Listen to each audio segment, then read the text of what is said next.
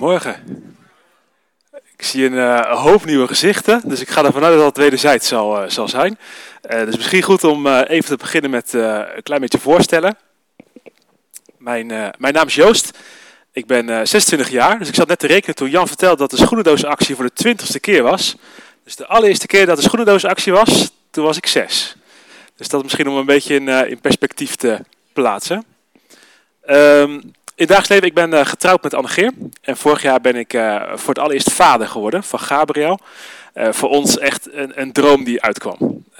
kleine man, hij is nu net één jaar geworden, 15 oktober. En het mooie van, van Gabriel vind ik, hij, hij kruipt nu. En als hij dan iets ziet wat hij mooi vindt, iets wat glimt of een balletje of een stuk speelgoed, dan kruipt hij daarop af. En dan gaat hij in één twee keer zo snel als dat hij normaal gaat. Als hij, als hij iets voor ogen heeft, hij ziet iets liggen, dan, dan gaat hij pijlsnel, schiet hij zo door de kamer heen, tot hij het heeft. Hij heeft een bepaalde doelgerichtheid, waar wij vanochtend denk ik iets van kunnen leren. En ik wil vanochtend met jullie gaan nadenken over doelgericht leven. En voordat we gaan doen, ik wil een, eh, een kort gebed nog uitspreken, omdat de verwachting vandaag, ik kan een, mooi verhaal gaan vertellen, we kunnen mooie liederen luisteren, uh, maar we hebben God echt nodig dat hij vanochtend gaat spreken. We zijn echt afhankelijk van God. Dus ik wil een kort gebed uitspreken en daarna gaan we, gaan we lezen. Ja, vader, we komen bij u. En we willen echt de afhankelijkheid uitspreken dat we u vanochtend nodig hebben. Ik bid echt dat u onze harten openmaakt. En dat u tot ons spreekt. En ik bid echt dat vanochtend de hemel de aarde mag raken hier. Dat als we hier weggaan, dat we anders weggaan dan dat we binnen zijn gekomen. Ik bid echt dat u onze harten klaarmaakt om uw woorden te horen. Ik bid dat u tot ons spreekt wat we nodig hebben in onze situatie waar we in zitten. En we hebben u nodig. Kom alstublieft, Heilige Geest. In Jezus' naam. Amen. Ik wil vanochtend uh, beginnen misschien iets anders dan uh, dat jullie gebruikelijk zijn. Namelijk met een inbeeldingsoefening. Dus wat we gaan doen, ik ga zo meteen uh, wat vertellen. U mag uw ogen dicht doen en je mag je proberen voor te stellen wat ik vertel. Dus ik ga zo meteen wat dingen vertellen en je mag je eigenlijk terwijl ik aan het praten ben, mag je proberen voor te stellen hoe dat eruit zou zien. Dus je mag je ogen dicht doen en dan ga ik je meenemen. Stel je voor, het is een aantal jaar later dan nu. En je bent 100 jaar geworden. Voor de ene is dat wat dichterbij, voor de ander wat verder weg. Maar stel je eens voor, hoe zie jij eruit als je 100 jaar bent geworden?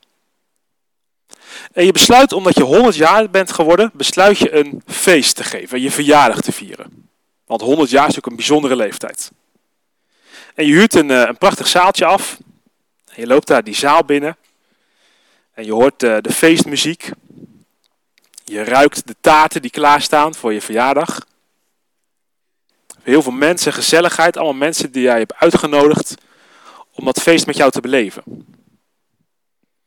En omdat je 100 jaar bent geworden, heb je aan een aantal mensen gevraagd om wat te vertellen over jouw 100 jaar. Je hebt gevraagd aan een partner of iemand uit je gezin om wat te vertellen. Je hebt gevraagd aan een vriend of vriendin of die wat wil vertellen. En je hebt gevraagd aan iemand uit je gemeente hier of die ook wat wil vertellen. En ze komen ervoor en één voor één gaan ze vertellen over wat jij voor hen betekend hebt. En ik wil je eens vragen om eens voor te, te stellen hoe je zou willen dat dat zou gaan. Wat hoop jij dat die mensen die het dichtst bij jou staan, vertellen over jouw 100 jaar hier op aarde? Wat hoop jij dat jij voor hen betekend hebt? Welk verschil wil je hun levens gemaakt hebben? Probeer er eens over na te denken. Wat zou je willen dat ze over jou zeggen?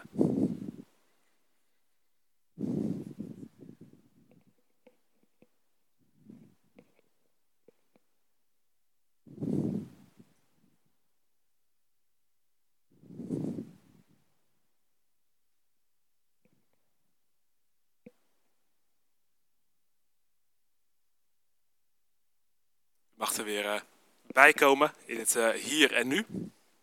We zijn weer uh, op de zonneochtend.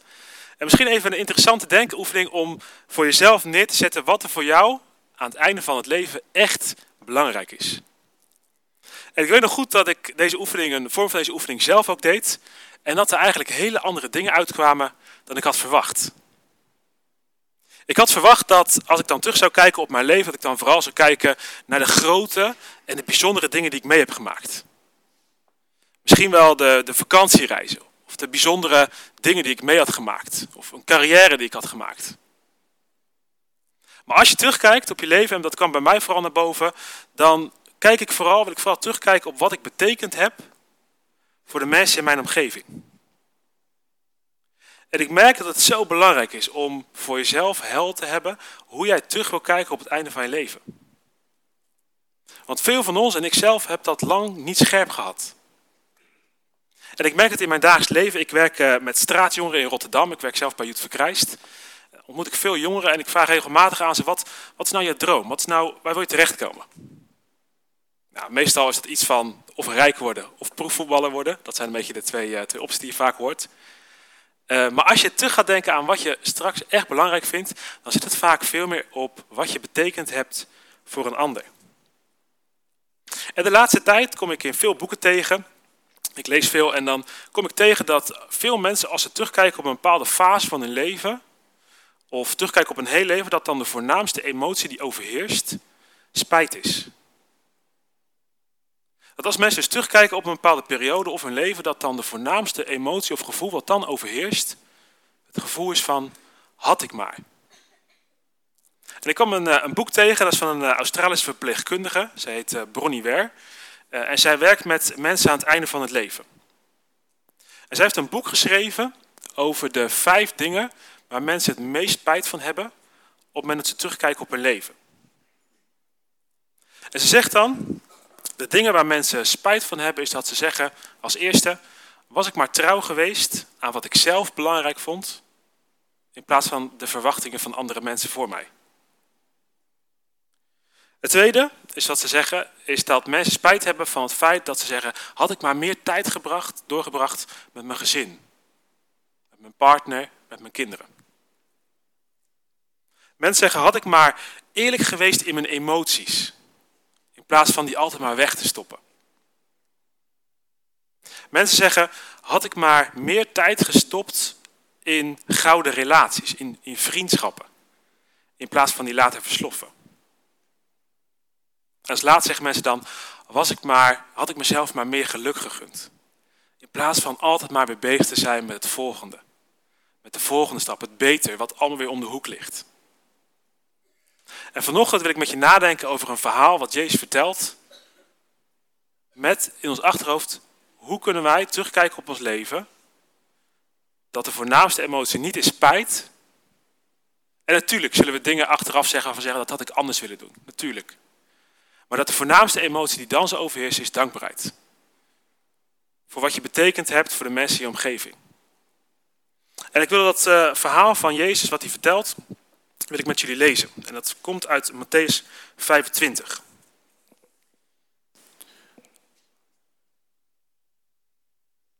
Matthäus 25 vanaf vers 14.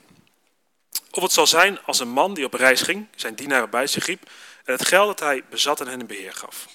Aan de een gaf hij vijf talent, aan de ander twee en aan nog een ander één. En ieder naar wat hij aankon.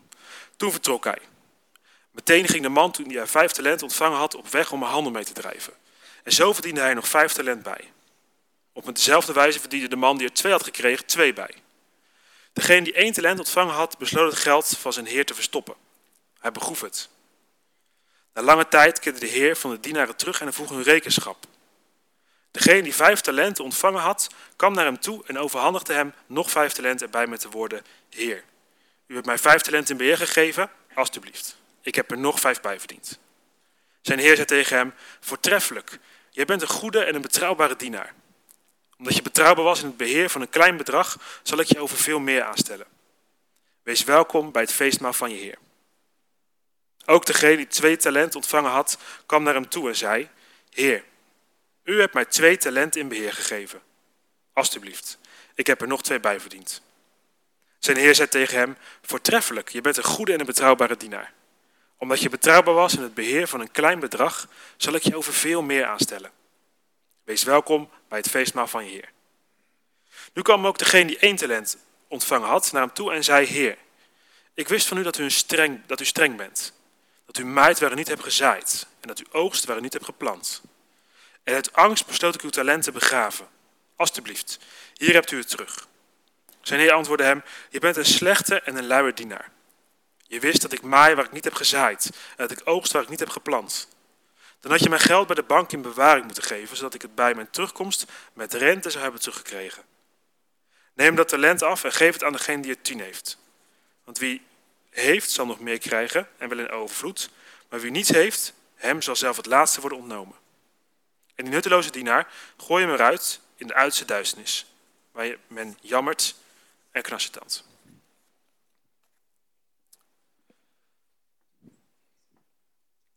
Jezus uh, vertelt het verhaal, hij vertelt dit verhaal eigenlijk in een serie verhalen. Hij vertelt een aantal verhalen en als je teruggaat in uh, Matthäus, dan zie je dat hij deze verhalen vertelt om een punt te maken. Maar dat is wat Jezus deed. Dus op het moment dat hij rondloopt in de wereld, dan vertelt hij verhalen om een bepaald principe duidelijk te maken. En dit verhaal vertelt ons iets over het koninkrijk van God. Er staat in een serie verhalen die Jezus vertelt. Eerst komt het uh, bekende verhaal van de vijf wijzen en de vijf dwaze maagden. Dan komt dit verhaal met de talenten. En vervolgens komt nog het verhaal met de geit en de bokken en de scheiding aan het einde van de tijd. En dat is wel goed om te beseffen op het moment dat je dit verhaal leest, dat dit verhaal dus wat zegt over dat koninkrijk van God. En dat is natuurlijk een mooie term, maar dat koninkrijk van God. Maar wat is nou in de essentie het koninkrijk van God? En ik denk dat er een, in openbaringen, in openbaring 21 staat er een prachtige beschrijving van het koninkrijk van God. Namelijk een plek waar geen pijn meer is. Waar geen verdriet meer is. Waar geen zorgen meer zijn. Waar geen zonde meer is. Een plek waar het perfect is. En toen Jezus kwam, toen vertelde hij en hij verkondigde de boodschap, bekeert u, want het koninkrijk van God is nabij. Het koninkrijk van God is gekomen. En tegelijkertijd, en vanochtend hebben we al een aantal verhalen gehoord, zien we dat er in de wereld, soms ver weg, soms heel dichtbij, dat er nog zoveel pijn en lijden is. We leven nog in een tussenfase. Jezus kwam, hij start het koninkrijk. En tegelijkertijd zien we dat het koninkrijk nog niet compleet is gemaakt. En dat als Jezus terugkomt, dat, die koning, dat het koninkrijk, die perfecte wereld, dat het werkelijkheid zal worden. Dat elke traan afgeveegd zal worden. Dat elke zonde verbroken wordt. En dat we in perfecte intimiteit met God mogen leven. En dit verhaal, dat vertelt ons iets over dat koninkrijk. En het is makkelijk als je dan hebt over talenten. Wij denken natuurlijk bij talenten vaak aan uh, waar je goed in bent. Maar in die tijd een talent was een, uh, een stuk, was eigenlijk een hoeveelheid geld. Uh, en best wel een hele hoop. 25 kilo zilver om precies te zijn. En dat was echt meerdere jaarsalarissen. Dus die, je moet goed beseffen dat die mensen in het verhaal, die werknemers, die krijgen echt een enorme som met geld. Om mee aan de slag te gaan. En vervolgens gaan ze natuurlijk aan de slag. En de, de link in het verhaal is natuurlijk al snel gelegd. God is de werkgever. En wij als mensen, wij zijn de werknemers. En de vraag is dan, hoe gaan wij met de talenten die we gekregen hebben, hoe gaan we ermee om? En ik geloof dat de talenten die God ons gegeven heeft, dat gaat verder dan waar we goed in zijn. De talenten die hier in de gelijkenis besproken wordt, dat gaat eigenlijk over de mogelijkheden die jij gekregen hebt. Dat gaat over je tijd. Het gaat over je geld. Dat gaat over je relaties hier in de kerk, in je buurt. God geeft ons allemaal een bepaalde hoeveelheid talenten. Een bepaalde hoeveelheid mogelijkheden. En de vraag die naar ons toe komt uit het verhaal is hoe zetten wij die mogelijkheden die we gekregen hebben, hoe zetten wij die in voor het koninkrijk van God? Ik vind het zo bijzonder dat God er dus voor kiest om bij het bouwen van zijn koninkrijk gebruik te maken van mensen zoals u en als ik. Dat zorgt er namelijk voor dat wij een betekenisvol leven kunnen leiden. God had ook kunnen zeggen, klaar. Koninkrijk, klaar, het is helemaal goed. Maar hij kiest ervoor om samen met u en samen met mij dat koninkrijk te bouwen. Tot hij terugkomt. En het koninkrijk perfect gemaakt zou worden. Een belangrijke les die uit dit verhaal geleerd kan worden, is dat de Heer, God in dit geval, ook terugkomt. En dat zie je eigenlijk in al die verhalen die Jezus vertelt, in deze serie verhalen die hij vertelt, is dat de werkgever, de Heer, die komt eigenlijk altijd eerder terug dan de mensen die het verhaal verwachten. Dat zie je bij die vijf wijzen en die vijf dwaze maagden. Maar dat zie je ook weer in dit verhaal. Die werknemers die hebben, verwachten niet allemaal dat die werkgever, dat die Heer terugkomt. Het is dus een belangrijke les dat wij, dat wij realiseren dat die werkgever, dat God op een dag terugkomt. Wij hebben een bepaald aantal mogelijkheden, middelen, talenten gekregen.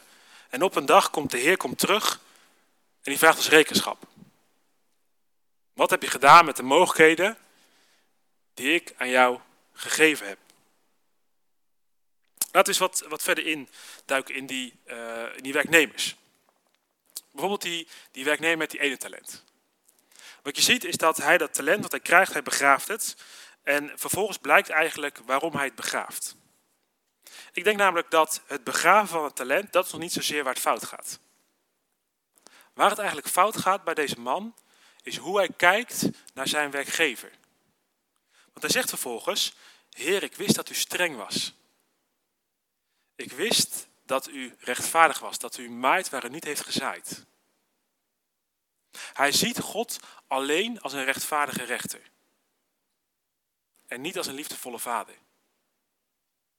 Er zit ook een belangrijke les voor ons in. Hoe kijken wij naar God? Zien wij God alleen als rechtvaardige rechter? Of zien wij God ook als een liefdevolle vader? We mogen bouwen, mogen dat koninkrijk bouwen. We mogen de talenten die we gekregen hebben, mogen we inzetten. Vanuit onze identiteit als geliefde kinderen. Het is namelijk heel makkelijk bij dit verhaal om eh, een verhaal te zetten van nee, zet je talent in en we rennen naar buiten en we gaan ons talent inzetten en we gaan hard werken. Maar het is belangrijk dat we dat doen vanuit de juiste identiteit. Onze waarde, onze identiteit is niet gebaseerd op wat we doen. Onze waarde, onze identiteit is gebaseerd op wat God voor ons gedaan heeft. U en ik, wij zijn geliefde kinderen van de Hemelse Vader.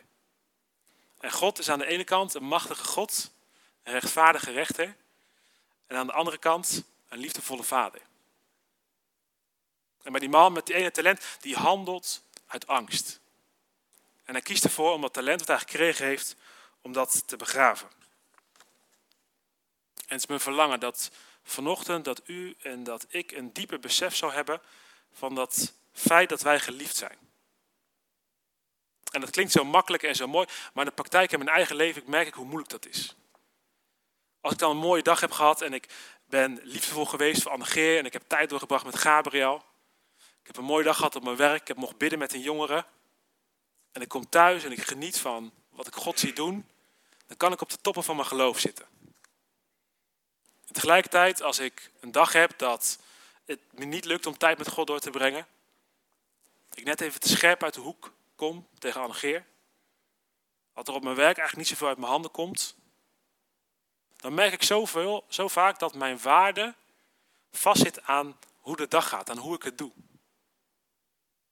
Het is mijn verlangen dat we vanochtend, als we straks weggaan, dat we onze talenten zullen inzetten. Maar dat zullen doen uit onze identiteit. Onze waarde staat vast. Los van wat u en wat ik, wat we doen, onze waarde staat vast. Terug naar die gelijkenis, het verhaal wat Jezus vertelt. Een belangrijke les die dus naar ons toe komt, is dat Jezus een keer terugkomt.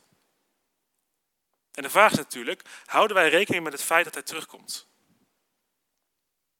Er staat een prachtige tekst. Zoek eerst het koninkrijk van God en alle andere dingen zullen u toegeworpen worden.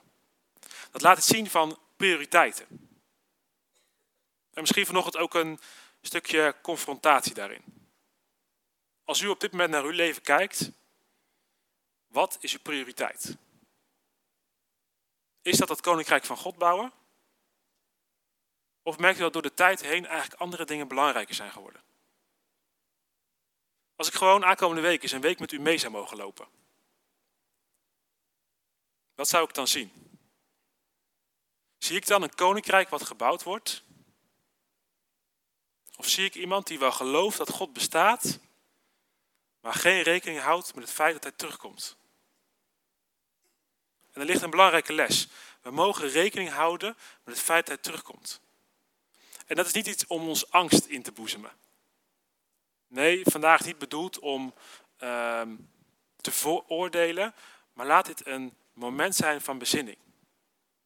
We willen straks aan het einde van ons leven willen we terugkijken op ons leven en dan willen we terugkijken met dankbaarheid. Dat we gezegd hebben, ja, ik kijk terug op mijn leven. Ik kijk terug naar wat ik betekend heb voor de mensen in mijn omgeving. Ik heb geprobeerd de mogelijkheden die ik heb gekregen in te zetten. In mijn gezin, in de gemeente, in de buurt waar ik woon. Met de mogelijkheden die ik heb. En zo ingewikkeld is dat eigenlijk niet. Als je kijkt namelijk naar die twee andere werknemers met die vijf talenten en die twee talenten, er staat dan zij gaan handelen met hun talenten. En die term handelen die komt eigenlijk weer terug in handelingen. Dat gaat eigenlijk over wat de apostelen deden. Dus wat er eigenlijk staat is zij doen wat hun hand vindt om te doen. Zij kijken gewoon heel simpel waar zij in hun omgeving iets zien van pijn. Of verdriet. Of zorgen. En ze kijken met de mogelijkheden die zij gekregen hebben, hoe ze daarop in kunnen springen.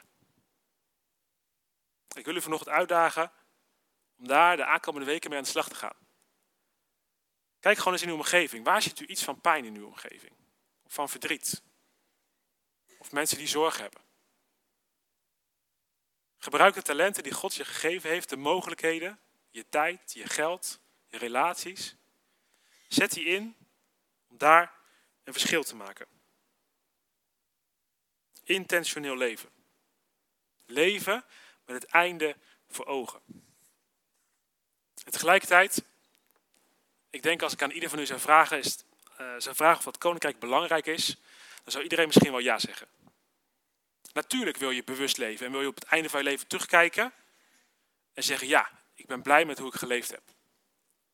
En tegelijkertijd zien we de realiteit dat er zoveel mensen zijn die terugkijken op hun leven en zeggen had ik maar. En de interessante vraag is, hoe komt het nou dat zoveel mensen dan dus blijkbaar terugkijken met vooral spijt? En ik denk dat dat te maken heeft met onze tegenstander. Geestelijk gezien hebben we ook een tegenstander. Een duivel die niets liever wil dan ons van God afhouden. Aan de ene kant een koninkrijk van God, een koninkrijk van licht. Aan de andere kant een koninkrijk van duisternis. Met een tegenstander, met een duivel die niks liever wil dan het koninkrijk van God kapot maken. En ik wil vanochtend één concrete manier benoemen en met jullie bespreken hoe hij dat doet tegenwoordig. En dat is het wapen van haast en van drukte. En ik wil een klein uh, testje doen, dus je mag je hand opsteken als je erin herkent. Um, wie gaat er wel eens naar de supermarkt en dan ga je de rij staan en dan volgens zie je dat een andere rij korter is en dan schiet je nog snel naar die andere rij. Wie doet dat? Ja, valt, valt mee. Uh, wie zit er wel eens in de auto, rijdt op een stoplicht, stoplicht af, dan zie je dat de baan links toch net wat minder auto's heeft, schiet je nog snel naar links toe. Wie doet dat?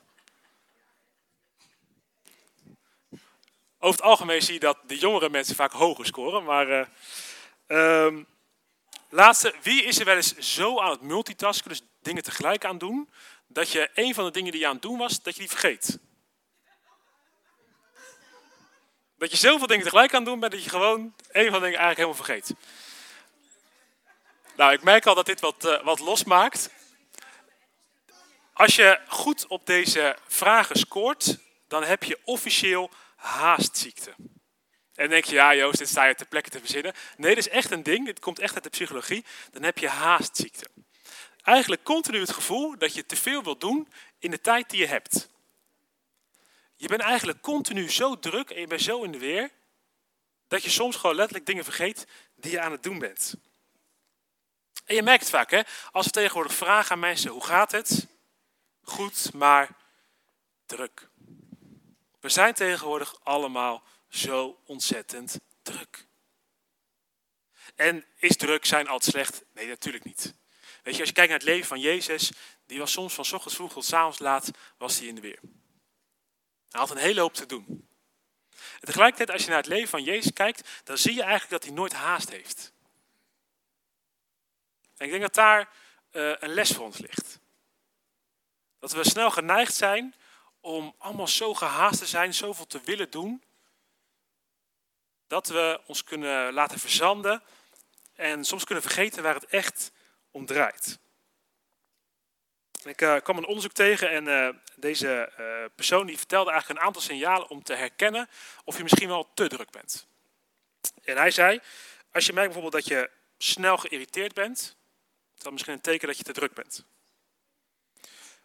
Niet kunnen uitrusten. Dat als je dan eindelijk op de bank zit en je zit even niks te doen, dat je dan eigenlijk niet lekker kan zitten. Want je, ah, je moet eigenlijk weer wat doen. Dus je kan niet goed uitrusten. Um, je wordt ook emotieloos. Dus het is echt lastig om goed emoties te ervaren. Want je bent zo gehaast dat eigenlijk emoties niet goed meer binnenkomen. Uh, je hebt geen tijd meer voor je basisbehoeftes. Dus gezond eten, sporten, gezond leven.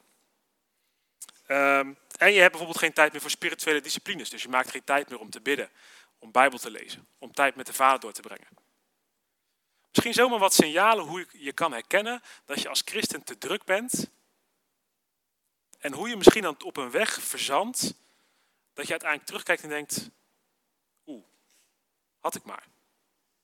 Had ik maar meer tijd doorgebracht met de mensen in mijn omgeving. Had ik maar meer tijd doorgebracht met God. Had ik maar het koninkrijk gebouwd. En ik kwam een, uh, een, citaat tegen van Dallas Willard, dat is een uh, voorganger uit Amerika. En hij zei, de grootste vijand van een goed spiritueel leven is haast. Of dichter bij huis, Corrie ten Boom, ze zei, als de duivel je niet kan laten zondigen, dan maakt hij je druk. En ik denk dat daar een grote wijsheid in zit. Ik denk als christenen tegenwoordig, we zijn niet per se zo zondig, zo immoreel meer, maar we zijn gewoon zo druk. We zijn niet per se grote, grove zonden misschien aan het doen, alleen we zijn afgeleid. En ik denk dat dit een krachtig wapen is, wat onze tegenstander op dit moment kan gebruiken om ons van God af te houden. Namelijk dat we zo verzand zijn in alle drukte, in alle haast, dat we vergeten wat er echt toe doet. Interessant is dat haast hetzelfde effect op jouw ziel heeft als zonde. Want wat is zonde? Zonde is doel missen. En wat doet haast? Haast zorgt ervoor dat jij je doel mist. Dat je terugkijkt op je leven en dat je denkt, had ik maar. En vanochtend een moment van evaluatie. Wat doet er echt toe? Hoe wilt u straks terugkijken op uw leven? En natuurlijk nogmaals, echt niet alles zal perfect zijn. Maar dat de voornaamste emotie, de voornaamste gevoel wat thans overheerst, is dat u zegt, ja, ik heb bewust geleefd. Ik heb niet alleen geleefd met het besef dat God bestaat, maar ik heb ook geleefd met het besef dat Hij terugkomt. Weet je, en ik snap echt wel dat je druk bent. Dat je veel verantwoordelijkheden hebt. Thuis, op je werk, in de gemeente. Ik snap echt dat je veel verantwoordelijkheid hebt en dat je veel te doen hebt. Maar zorg ervoor dat de drukte je niet laat verblinden op wat er echt toe doet. Zorg ervoor dat je het einde voor ogen houdt. En ik merk dat het zo makkelijk is. Ik werd een poosje geleden werd ik gevraagd voor een rol bij ons in de kerk. En toen dacht ik, ja, ik ben zo druk, ik ben zo druk. En na een periode van daarover nadenken, toen dacht ik, ja, als ik kijk naar mijn leven, zou het eigenlijk wel kunnen. En ik vind mezelf natuurlijk zo druk. Maar het is wel iets wat ik belangrijk vind, dienen in de gemeente. Ik heb besloten om daar ja tegen te zeggen. Maar zo makkelijk kan je dan eigenlijk zeggen, ik ben te druk, laat me zitten. En natuurlijk betekent dat niet dat je overal ja hoeft tegen te zeggen, maar wel ja tegen de juiste dingen. En weet je, ik denk dat we allemaal herkennen dat als we gehaast zijn, als we druk zijn, dat we ons dan niet verbonden voelen met de mensen in onze omgeving. Dat we ons dan niet verbonden voelen met God. Als je kijkt naar het leven van Jezus, dan zie je dat hij veel te doen had. Maar nooit haast had.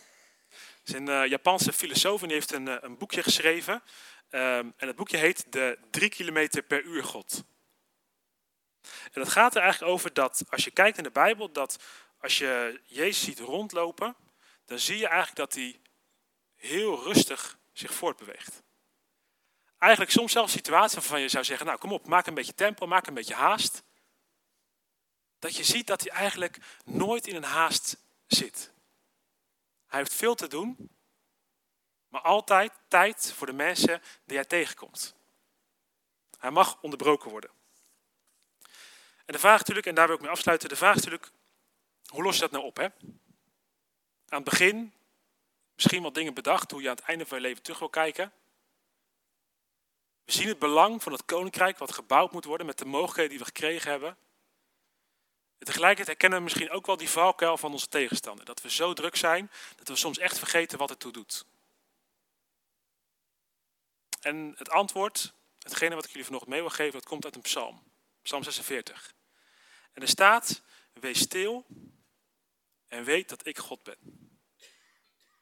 En dat is een bijbeltekst die mij altijd ontzettend raakt. Wees stil en weet dat ik God ben. Niet jij bent God, Hij is God. als je kijkt naar dat stil worden, daar staat in de grondtaal staat er een woord en dat kan je het beste vertalen in het Engels met vacate. Vacation. Vakantie. Er staat dus letterlijk in die bijbeltekst, word stil, neem een vakantie. Soms letterlijk op het moment dat je een periode hebt van vakantie, maar soms ook geestelijk. Zorg dat je momenten in de week hebt dat je tot rust kan komen. Dat je stil wordt. Dat je mag beseffen dat jij niet God bent. Nee, Hij is God. En Hij ziet en Hij weet hoe ons leven gaat. En daarom vanochtend niet een preek om jullie naar buiten te sturen, om je talent in te zetten. Om nog harder te gaan werken. Maar een preek om stil te worden. Een preek om te beseffen dat Hij God is. God aan de ene kant zo machtig. En tegelijkertijd een liefdevolle vader. En je ziet echt wel de, de moeilijke dingen en de druk waar je doorheen gaat. En dat leven echt niet altijd makkelijk is. Tegelijkertijd zegt hij, ik vind het belangrijk om met jou door, tijd met jou door te brengen. Jij bent diep geliefd. En ik vind dat zo'n mooi beeld, dat God aan de ene kant zo heilig is. Dat hij de wereld in zijn handpalm houdt. Dat er op dit moment honderden miljoenen engelen staan. Hun ogen bedekt, hun voeten bedekt, God te aanbidden. Heilig, heilig, heilig is de Heer. De Heer God almachtig. De God die was, de God die is en de God die komen zal. Heilig, heilig, heilig is de Heer. Tegelijkertijd onze liefdevolle Vader. Die zegt, ik wil jou kennen, ik wil met jou wandelen. Ik wil niet met jou rennen, ik wil met jou wandelen. Ik wil tijd met je doorbrengen. Ik wil dat je stil wordt en dat je beseft dat jij niet de wereld hoeft te redden. Je mag stil worden en weten dat ik God word. En weet je, als ik straks terugkijk op mijn leven, dan is het mijn diepe verlangen om die woorden te horen die die werknemers ook horen aan het einde van hun leven. Goede en trouwe dienstknecht. Je hebt het goed gedaan. Je hebt de talenten die ik je gegeven heb, heb je ingezet. Wees welkom bij het feestmaal van je Heer.